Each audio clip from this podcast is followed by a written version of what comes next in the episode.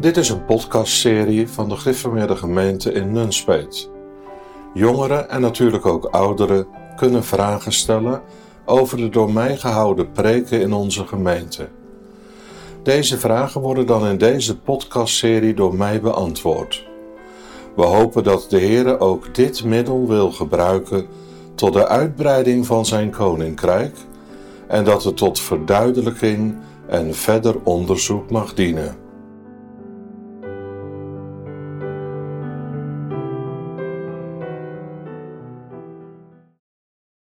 Ik heb de volgende vraag gekregen, wat mij zondagmorgen ineens opviel over de kleding van de Heer Jezus. Het gaat daar over de mantel en de rok. Wij dragen dat als mannen nooit meer. Hoe was dat in die tijd? Kunt u daar misschien iets meer over zeggen?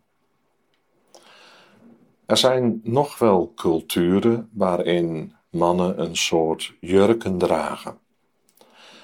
En met dat woordje culturen heb ik eigenlijk al heel veel gezegd. In onze cultuur is het niet gebruikelijk dat een man een rok draagt. In de Israëlische cultuur was dat vroeger blijkbaar anders.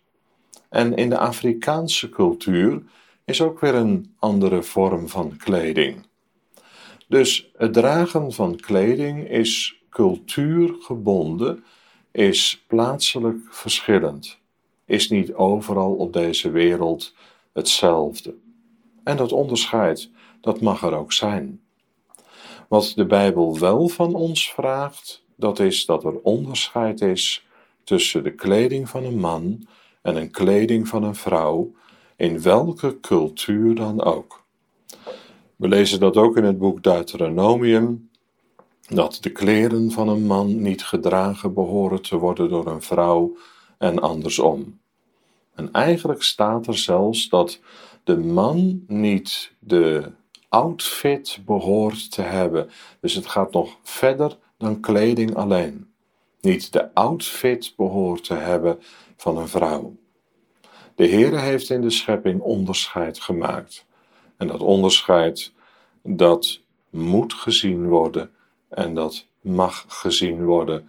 En dat komt ook in de kleding openbaar.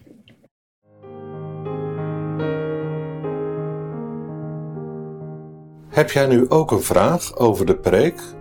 Kijk dan op gergemnunspeet.nl slash podcast.